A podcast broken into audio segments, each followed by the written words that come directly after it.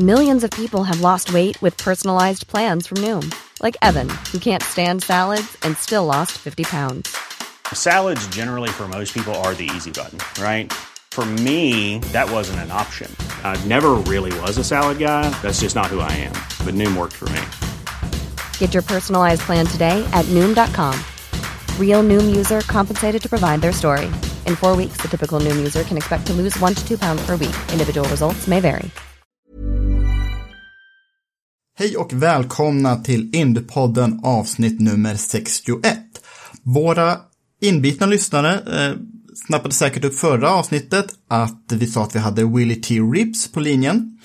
Nu blev det ju så att dagen då vi skulle prata med Willie drabbades Texas av den värsta snöstormen, värsta vinterovädret där på generationer. Så eh, Willy fick lov att ställa in, vi letar efter nytt tillfälle att eh, prata med honom. Så jag hoppas att ersättaren vi lyckades skramla fram kan eh, hålla våra lyssnare till godo. Så mina damer och herrar, Mario Andretti.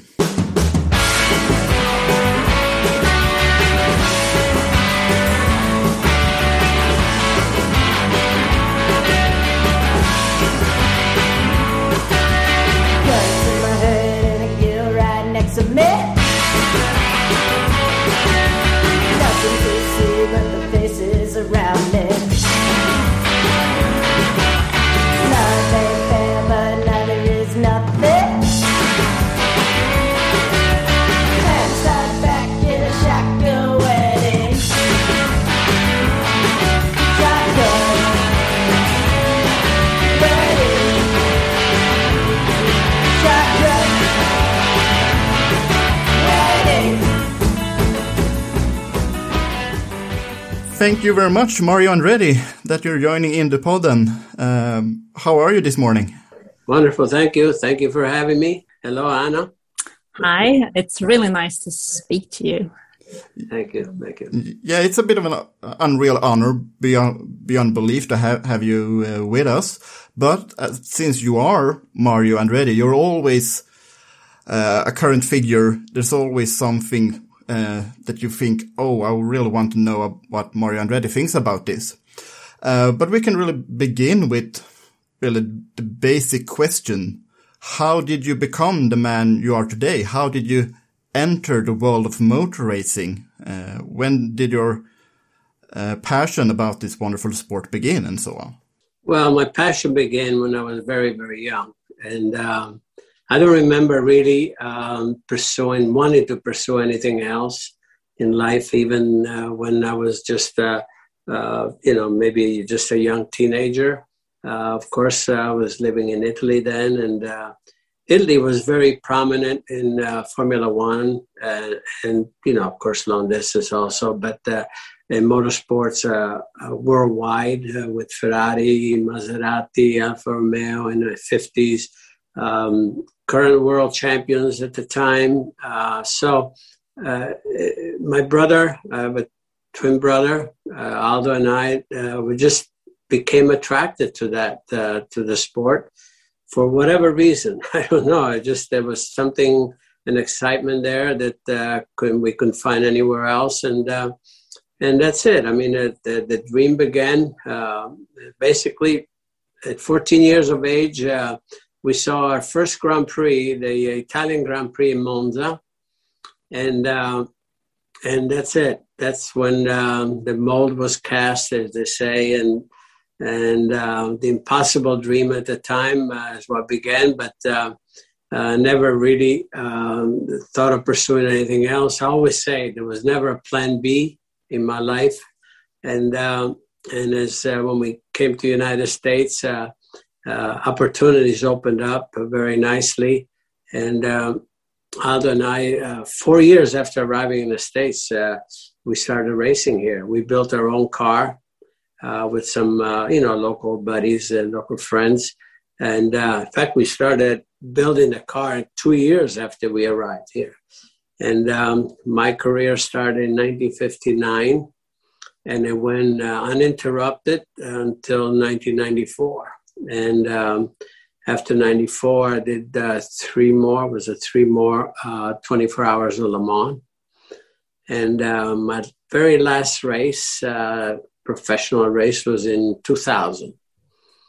So um, I was very fortunate to have a long career and, uh, you know, and pursue, you know, all of my uh, most ambitious, um, you know, uh, dreams, if you will. Uh, and, um, and, you know, very fortunate also to, uh, to be able to put away some good results. How important was your brother for your career? My brother, twin brothers, you can imagine, uh, you know, it's uh, the two of us thinking the same way. Uh, uh the, the, the thing that brings back to reality about uh, the danger of the sport is that my brother paid dearly in that respect. Uh, he had, um, and I, as you say, started in 1959. We had one car, two drivers, and uh, we were both doing really well. In fact, Aldo won the very first race that we entered uh, here in where I live now in Nazareth, Pennsylvania, and uh, and then we uh, qualified. Both qualified for an invitational at the end of the season, and um, and he was driving our car. I was got a ride with somebody else, and he had a huge accident in a qualifying heat, and uh, and that pretty much set his career in some ways because uh, it was very serious. Uh, he had a head injury, and uh, but then he he took a year off to recover, and then uh, raced for another ten years. And uh, in 1969, he had another terrible accident, which ended his career. And and again, uh, but he was incredibly supportive of me throughout. Um, and um, and again, you know, important, yes, indeed, because uh, again, he was always there, and uh, and and unfortunately, I lost him uh, uh, not not too long ago. I, he he passed away. Hmm. Sorry. I'm sorry. But these cars that you built yourself, what kind of race cars were they?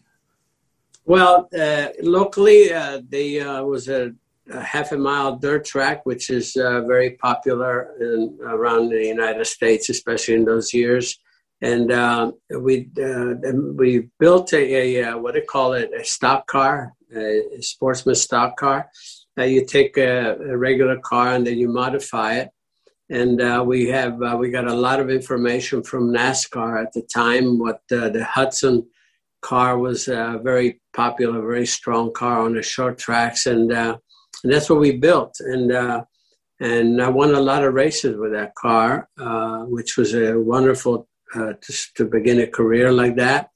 And um, so I raced. Uh, the reason that I my objective was always to get into open wheel single seaters, but uh, you have to start somewhere. The uh, the best way to, to start was the way we did because we had some control over the situation and uh, and but uh, in those days you had to be 21 to be legally racing professionally and uh, and Aldo and I were only 19 so we had to uh, lie a little bit and we we had a little bit of a they had to fudge the the, the driver license you know the birth date and uh, and so uh, we uh, we started. We we were telling stories that we used to race in Italy and all that, you know. So which was all you know, just a big bull.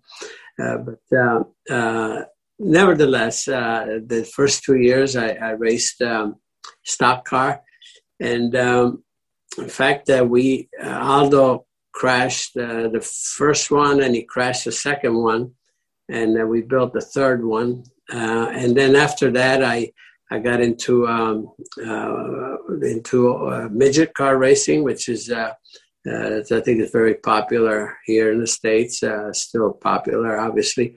Um, and then um, then up the ladder. You know, it was just like going to school. You know, your first grade, second, third, and, and progressing throughout. by 1994, I was um, tested. I was given opportunity uh, to test one of the, the Indy cars, which was at the top level here in the United States, and uh, and I was able to uh, earn my ride there. Uh, it was another thing I, my fortune was uh, uh, because of the misfortune of another driver, which was uh, hurt very badly.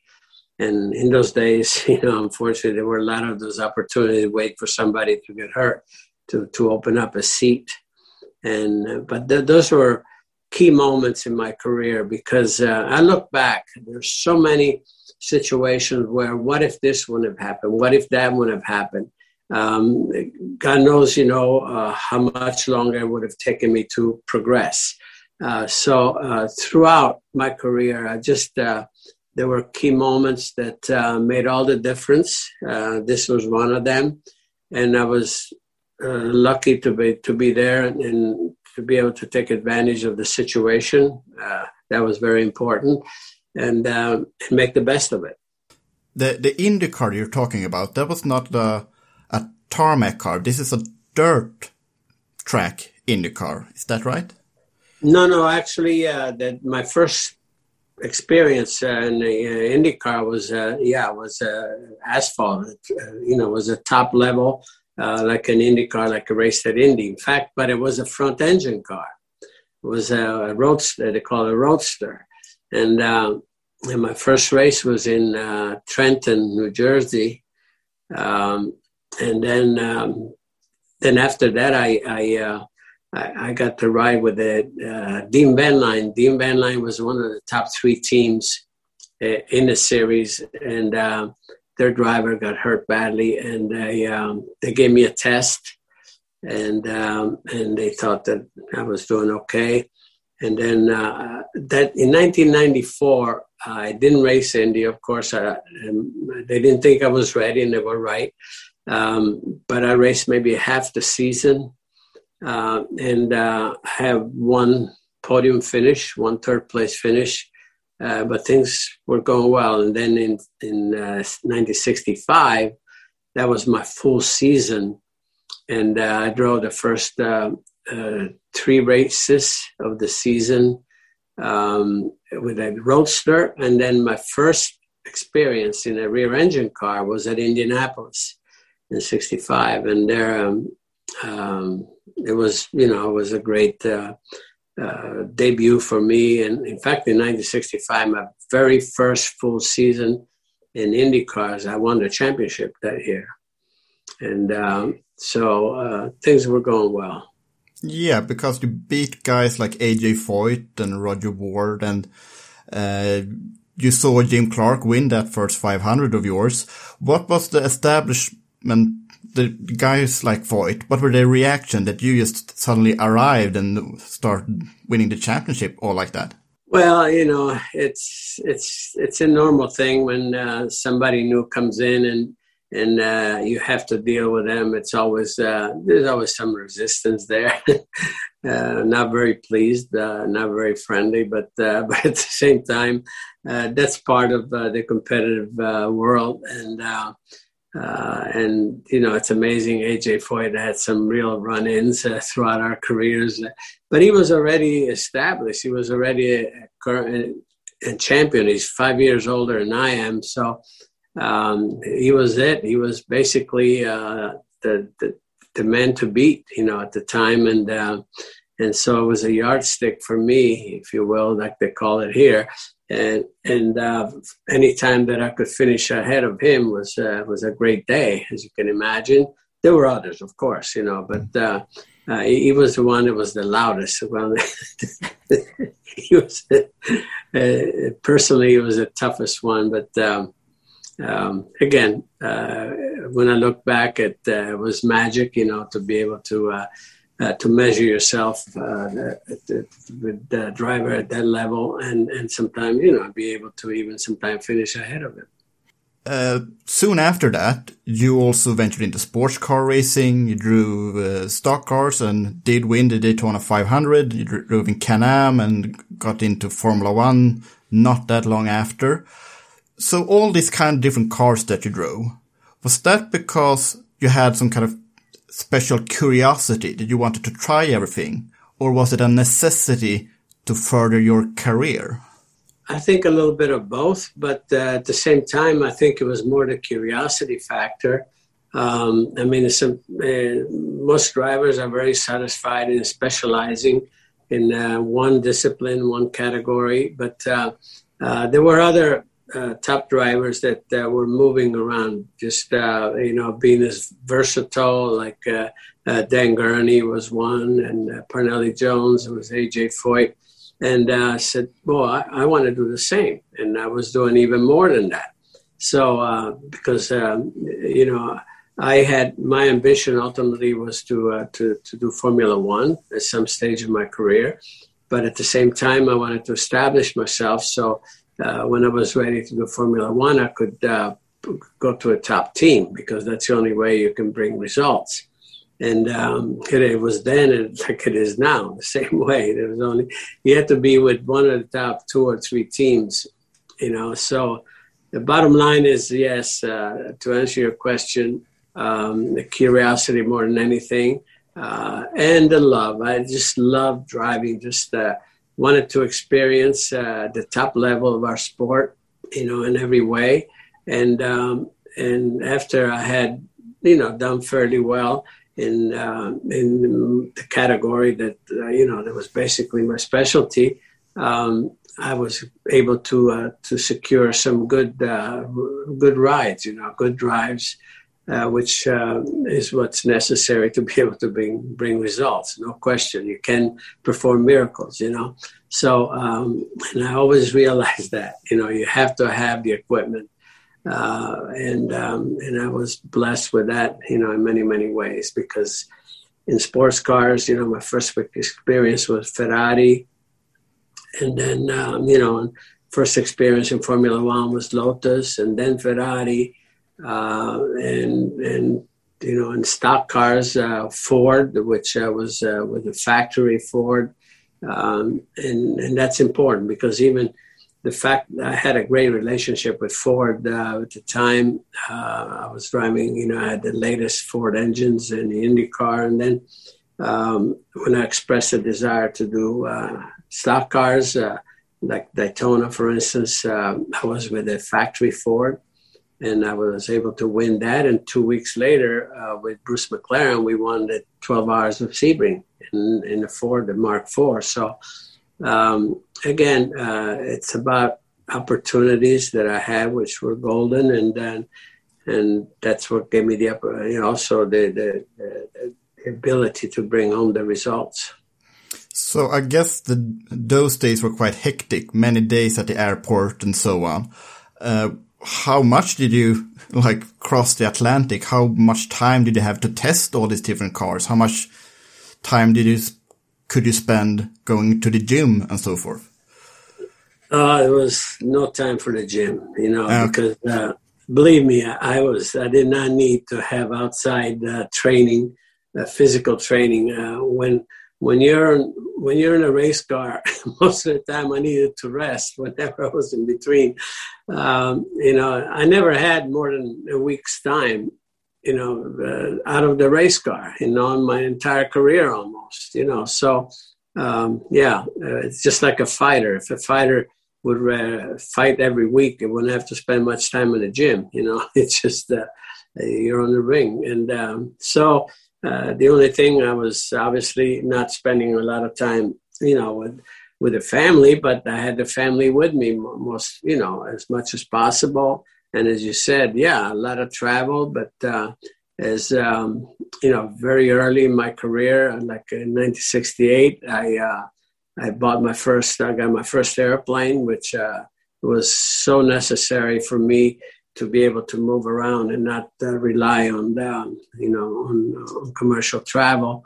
Um, and I was able to also keep the family with me uh, as much as possible. So that was a, a, convenient. That was a tool that was necessary for all that I was doing. And then you go back. I mean, when the uh, Concorde came on, I was one of the frequent passengers in the Concorde, whether it was a British or French Concorde. You know, in 1978, I did 24 crossings to Europe, eh, you know, in a Concorde. Uh, and but that was just like going from here to Chicago. You know, it was like was uh, three hours and 20 minutes, you know, to get to, uh, to Paris or London.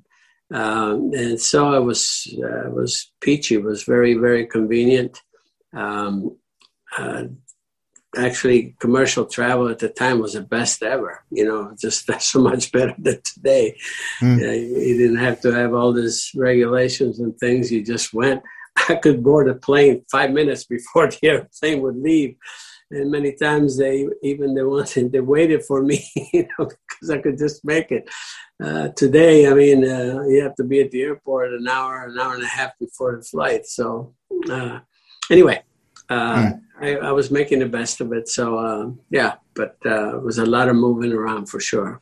So during the seventies, when you drove for, if I'm not mistaken, for Parnelli Jones in the car team, you also drove for Ferrari, and then uh, the Parnelli team also started entering Formula One races. What was the priority in those days? Was it Formula One or was it the IndyCar? Well, uh, there was they could only uh, commit to one particular series, you know, and then the rest would be just uh, basically part time. Uh, so my contract, you only could could have one contract, one main contract, and um, and you know whenever I was driving for Parnelli, it was uh, the Indy cars, and then it was Formula One, of course, in '75.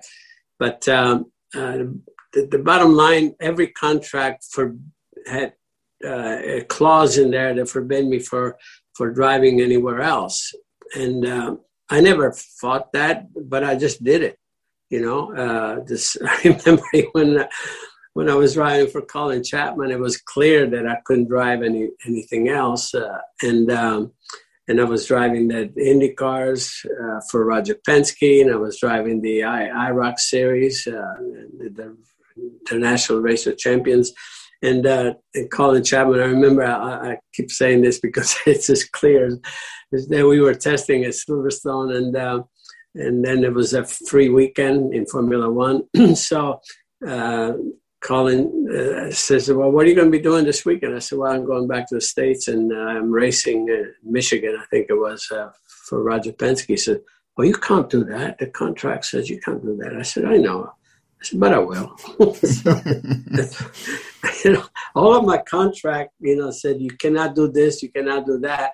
But uh, I did it, you know, and uh, that was it. So uh, I was never afraid to get fired. I figured if I get fired, uh, so be it. But uh, um, if you work, uh, you know, if you're so concerned about a contract, you'd be tied up and doing all the things everybody else wants you to do. I said, nobody's going to be able to determine uh, my life or my career. I just had that confidence. I said, uh, I'm going to do what I absolutely want. Uh, contract is necessary, of course, for all the right reasons. But at the same time, uh, nobody was going to own me 100%, no matter what. And uh, whenever, excuse me, whenever it was a time to negotiate the contract, uh, I never really got stuck into these clauses, you know, to prohibit me from doing this and that. I said, just put it in there. I don't care, and I will. I won't do it anyway. So, uh, and and that was it. you know, hmm. accepted it. And the only the only thing that I had to be very very careful, and I was to honor that there was no conflict of interest with sponsors. That's the one thing that obviously it's uh, it's ethical and it's very important. So I, I made sure that that was the case.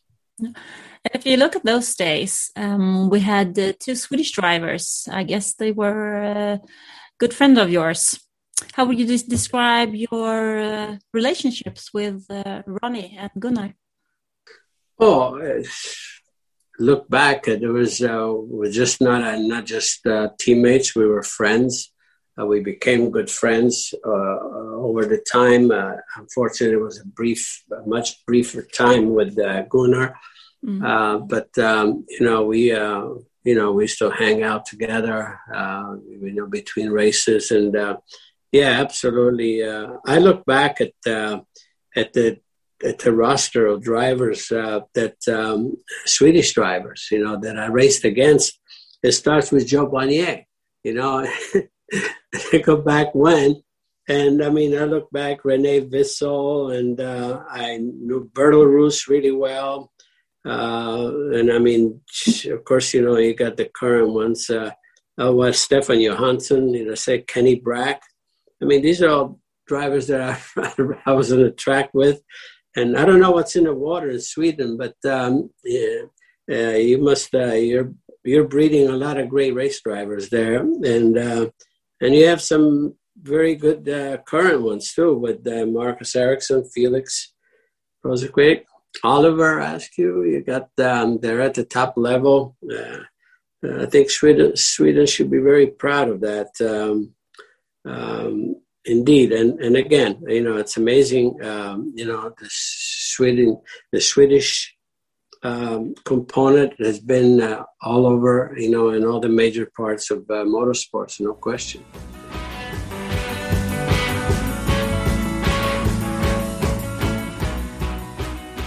You, you mentioned that uh, while you were driving for Lotus in Formula One, you had this agreement with Roger Penske to drive his McLaren IndyCar. Uh, to the naked eyes, those two cars would look quite similarly, but what, how different were they technologically wise? Well, every series uh, has a totally different car technically, no question. Uh, and and that's really the challenge for a driver to be able to adapt uh, to the different animal. You know, it's um, and that's uh, that's something that uh, I I felt uh, was very important for me to to be able to to do that to learn that was a matter of pride a matter of uh, even expanding your uh, your you know your your skills, if you will, because you always learn something on one side that applies on the other side. And um, and I'll give you for instance for that. For uh, you know, when uh, uh, nothing is more apart from uh, the dirt track racing, like even a champ car dirt track racing to uh, to Formula One.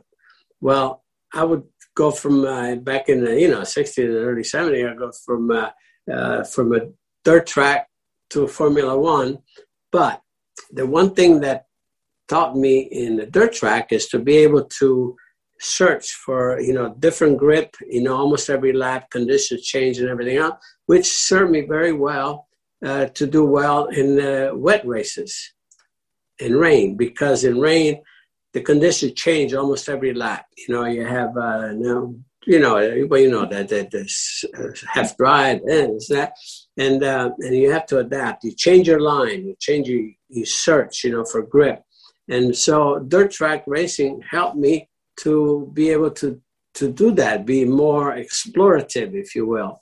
And so I, I found that to be a benefit to me uh, to, to do all that.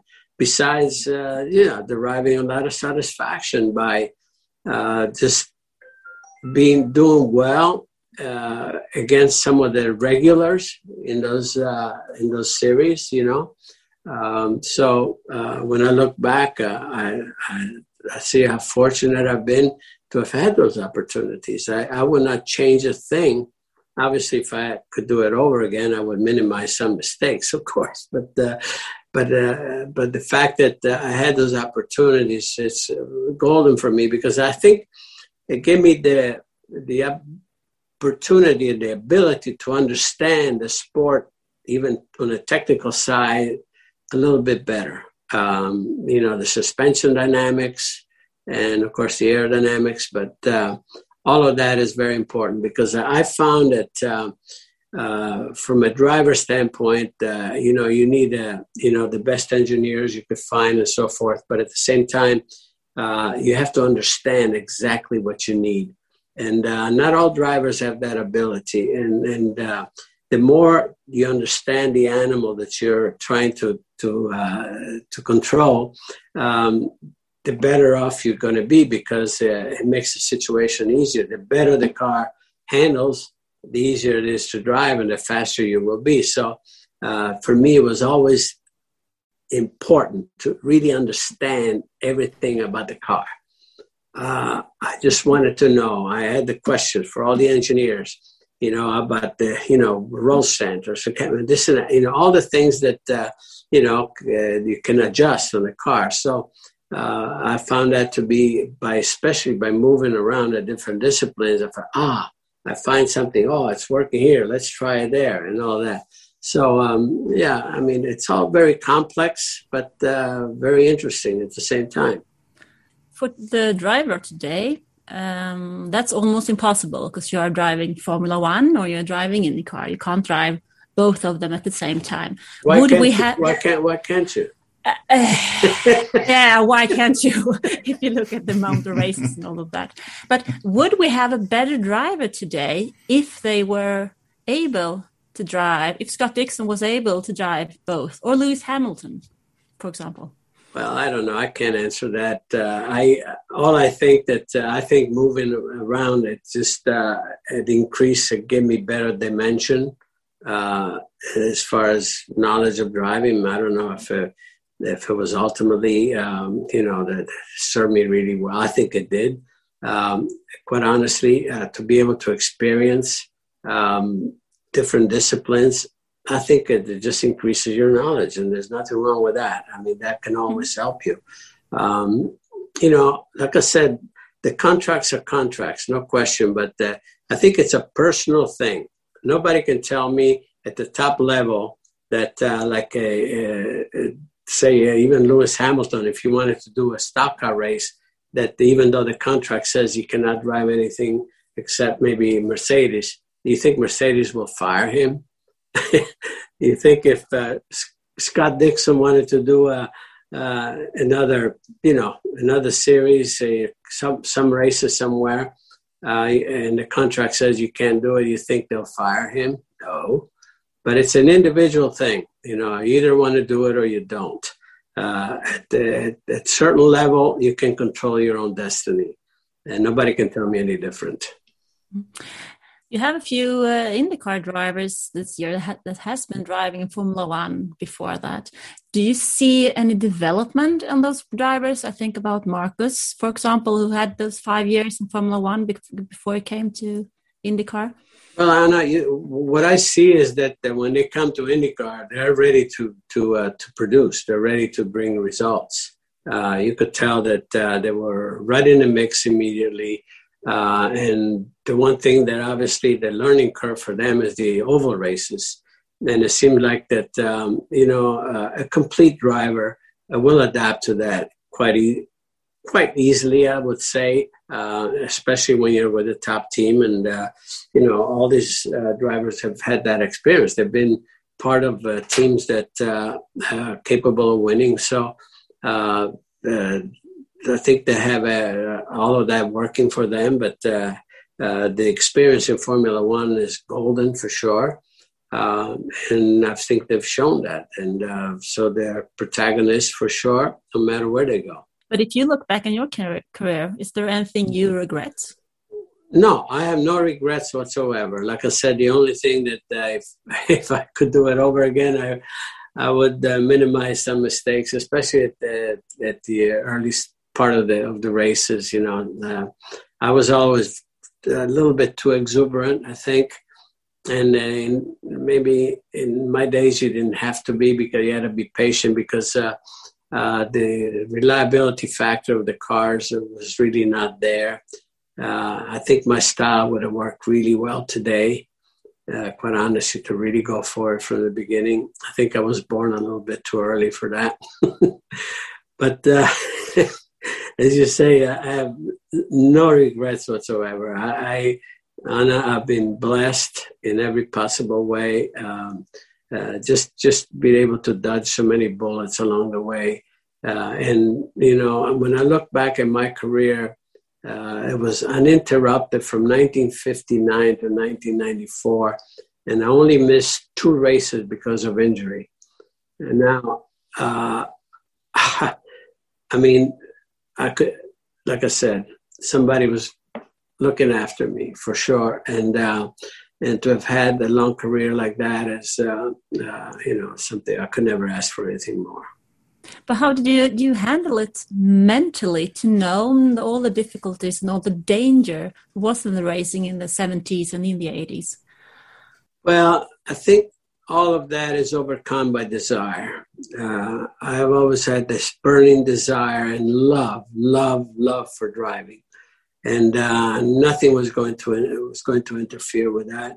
Uh, I tried to uh, approach it the, you know the best way possible in the sense of uh, you know not being too stupid or crazy. But uh, again uh, there are many things that you can't control either you know. So from that part you know like you can be caught up in somebody else's mistake and and it could be crucial.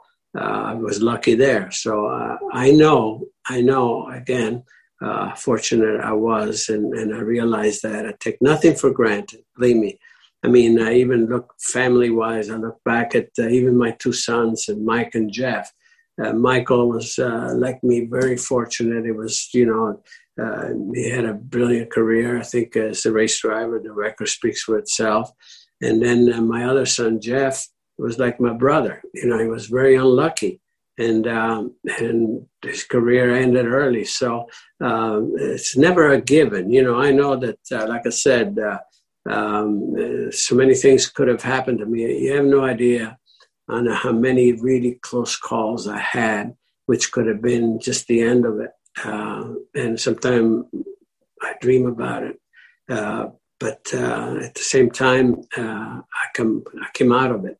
Uh, I got by it. I got, um, you know, uh, so because of that, like I said, I, I do count my blessings every day.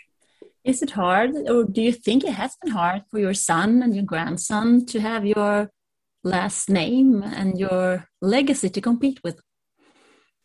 I, I don't know. I don't know how to qualify that because uh, uh, my son, Michael, he just took his own, you know, he just uh, he took his own direction and he said, you know what, I'm my own man and so forth, and never bother uh, I don't know if all of that uh, has anything had anything to do with uh, Marco's, uh, the way uh, he's thinking. Uh, that that's that's hard to say. But at the end of the day, you know what? you still have to do it yourself. You know, you can't be caught up in what you should be doing because somebody else did it. You just you have to do it yourself. So uh, it's a personal thing. Some people can handle it better than others. That's all I can say. If you if you look at Formula One this year, you have the uh, Mick Schumacher coming into Formula One. Is there any advice you can give him? I think with his last name. Yeah, be your own man. That's it. I mean, uh, uh, there's nothing else you can do. Uh, I think uh, uh, because Schumacher, he will probably be given some good opportunities, which is wonderful, and he has shown uh, that uh, he can he, he, is worthy of of being noticed and be and being given those opportunities. And but at the end of the day, he has to do it himself. And I think the young lad has a bright future, from what I see and for what everybody's saying. And um, and I just wish him so much, you know, wish him well because of everything. Uh, but uh, at the same time, um, he cannot look back at what his dad accomplished. Uh, he has to do it himself, and, and I think he will. I really do. I just uh, from everything I hear. Uh, I don't know him. I don't know him well, but uh, from everything I hear from friends, uh, he's quite a young lad. I think he has pretty good control of himself. Mm. Mm. Did you have to work with your son or your grandson about those things, about these things they had to carry with the last name, or? No, I mean, you know, we we touched on that, but it's something that uh, it's like, you know, like you can't tell somebody to go fast. For instance, they either have it in their belly or they don't. You cannot teach somebody to go fast you can tell them to minimize mistakes and all that. It's the same thing like, you know, I said, hey, don't worry about, you know, me or, or whatever. Just do your thing. And some individuals can do that and uh, not be phased with any of the outside, uh, you know, pressures. And others can't. You, you, never know what the inner of a person is, you know. Uh, they may maybe some put on a good front, you know, figure, okay, they handle it. But you don't know what the inside, what the real thinking is of any individual, whether it's your son, your daughter, or anyone. Uh, so uh, it's still, like I said, some individuals just probably uh, handle situation better than others. That's all I can say. Well, you were teammates with your son Michael also for a few years at Newman/Haas, and he he won more races than you in those years. Yeah, for sure. Uh, I guess you were proud, but was it also annoying that your son drove away from you? Yeah, sure. It was very annoying, but proud. Yeah, very proud. I remember, I remember the first time that he ever did a competitive pass on me for the lead. We were at the Grand Prix at uh, the, the Meadowlands here near New York. It was a street race like, and um, which actually I had won it the year before, and. Um, and then I said, and then he actually was in a hairpin and we touched wheels a little bit, which was driving my wife crazy. Uh, and um, he forced his way through. And I said, what the, that kid, you know, then I figured, well, that's my boy, you know, so it was a double-edged uh, sword, if you will. Uh, but uh, totally proud of him uh, in every way. And uh, we, when we look back even at that part, like, as a family, um, we were on podium in an IndyCar race 15 times. And we were, uh, uh, let's see, we were first and second five times. And uh, we were, uh, and we started an IndyCar race on the front row 10 times. Now, I mean, that's a dream as a family. I'll give you another one as a family. Um, 1986, uh, the Pocono 500 here. It was two and a half mile track. It's 500 mile race. Uh, they had a, a uh, supporting event, and my younger son Jeff was in a supporting event, like the Indy Lights, and he was on pole for that race, and he won that race. Michael was on pole for the 500, and I won the 500. So between the three of us, we cleaned house. Now, as a family, how could you want anything more than that? So, as you can see, the sport has given us so much, In 1981, 1991, uh, race in Milwaukee, uh, which is an IndyCar race, uh, the race right after Indianapolis uh, at that time. Uh, the, the, podium was Michael was first, my my nephew John was second, I was third. So there was three of us on podium. Uh, so we have those sweet memories, you know, that um, as a family, as you could see that we have so much riding uh, in the sport. The sport has been fantastic for us. Uh, that's what we live for, uh, as you can see, uh, professionally. And uh, so, yeah, we had tough moments, but we also had some great moments as a family. But you mentioned your wife um, how did she take this long career and all the things that happened during the years? I mean, um, I made an interview with Nico Rosberg for a few years ago, and he said his mother wasn't able to look at him racing, and she wasn't able to look at his father when he was racing either. So, how did she cope with it? Yeah, well, she was a wonderful lady. She was she was tough, and uh, more than anything, she really understood me. She understood uh, my objective. Strongly I felt about pursuing my career, and uh, and you know I you know I she sacrificed for me, uh, and uh, she would have obviously loved to have done some other things, but uh, uh, but she was there to support me, uh, and you know the biggest thing Anna is that she never never made me feel guilty for being selfish. Because when you're trying to pursue a career the way I was doing it, I mean, uh, I was sacrificing uh, some of the family life in some ways. I tried really hard in my, you know, I know I did to keep it all together, like, you know, to, to travel together, do all the things. But at the same time, you know, uh, we were not anything, anything it was, everything life wise was anything but normal, if you will. Uh, because, um, you know, all the weekends, my weekends where people uh, normal families go out and they go and picnic or they go to the beach or whatever. I was racing, you know, and uh, but uh, again, her support meant everything to me.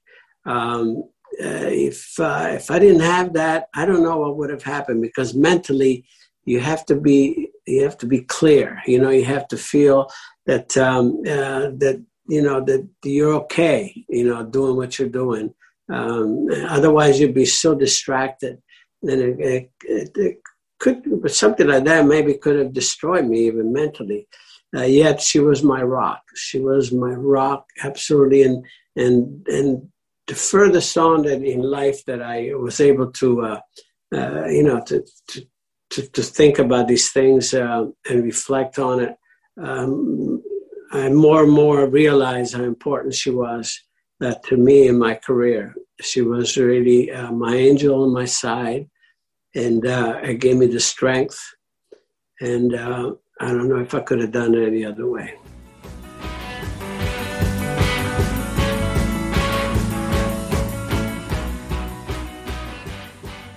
If you look at the Andretti Autosport today, what do you see and what do you see about the future?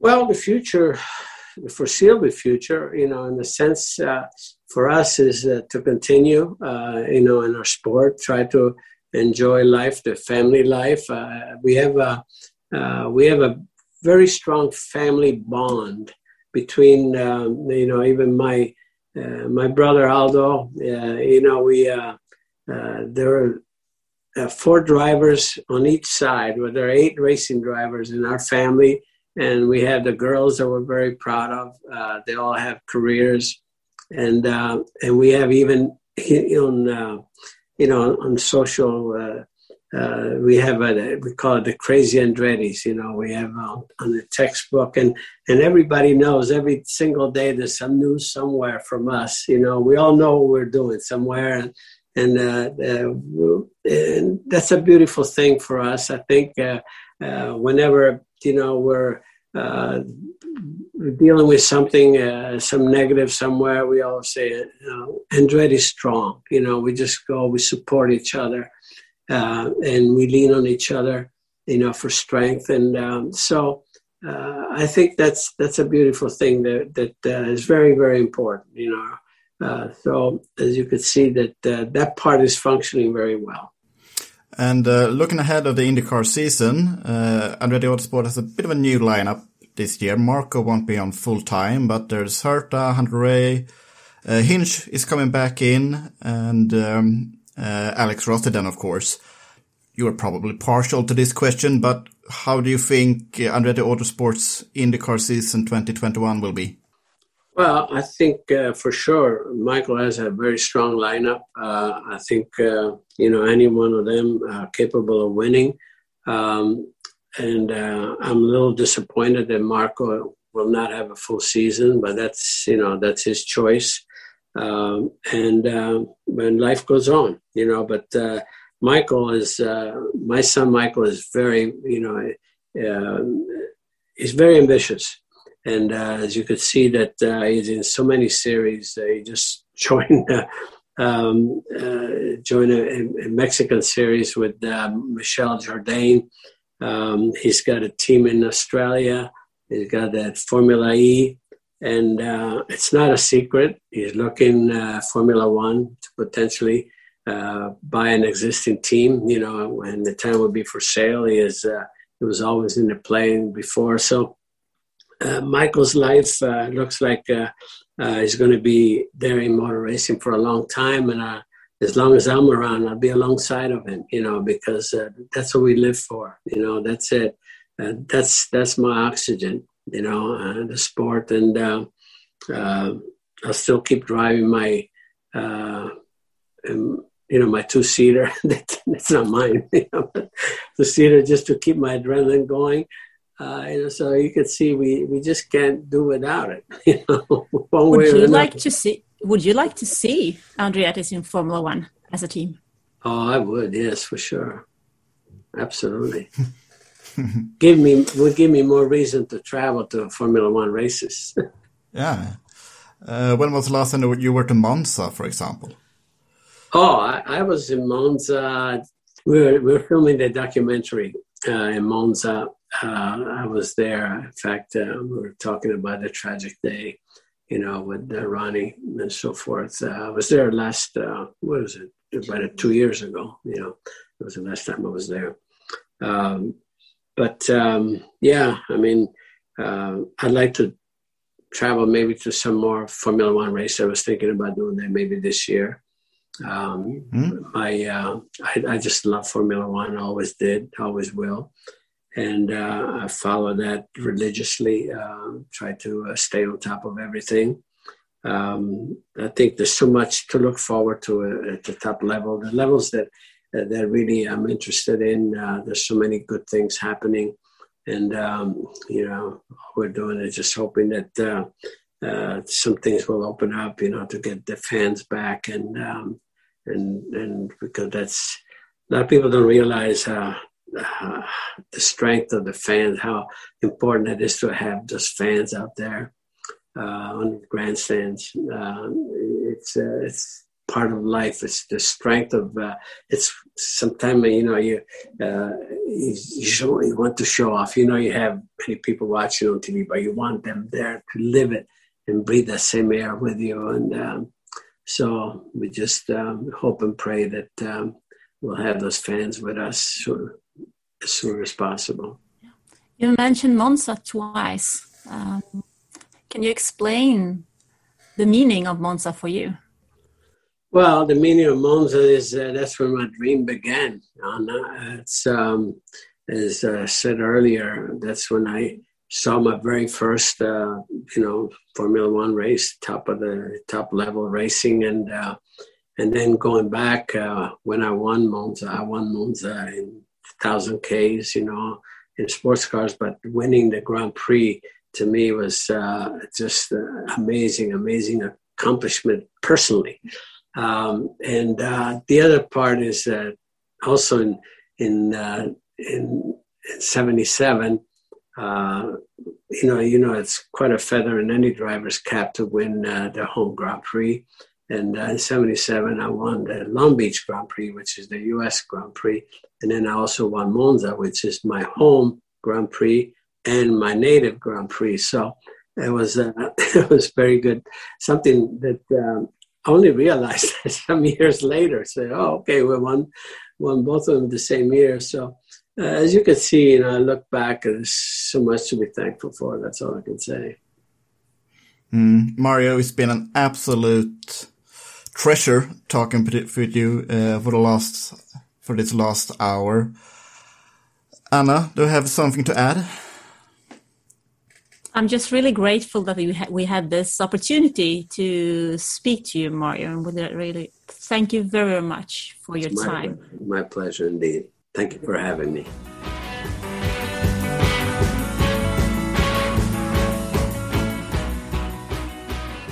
Okej, Anna, hur många Formel 1-världsmästare har du pratat med nu? Det här var nog den trettonde, tror jag, om jag räknar rätt. Ja, tretton. Jag hoppas inte är otur. Nej, det, det, tror jag inte. Mario kanske lite vidskeplig även om man inte säger det själv. Vad, tyck, vad tyckte du om honom?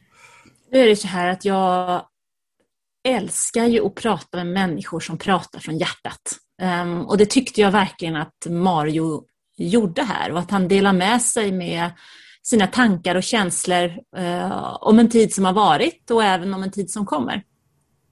Um, mm. Och uh, det är en fantastisk ära att få möjligheten att prata med honom och dessutom göra det så länge. Ja, det är svårt att lägga till något till, till det du säger. Vilken ära det var att prata med Marianne Dett. Det är lite, lite overkligt, man får nypa sig själv. Eh, vi kan väl bara säga så, tack alla, till alla våra samarbetspartner, Automotorsport, Tico Racing Shop och eh, vi hörs snart igen. Absolut, tack så mycket.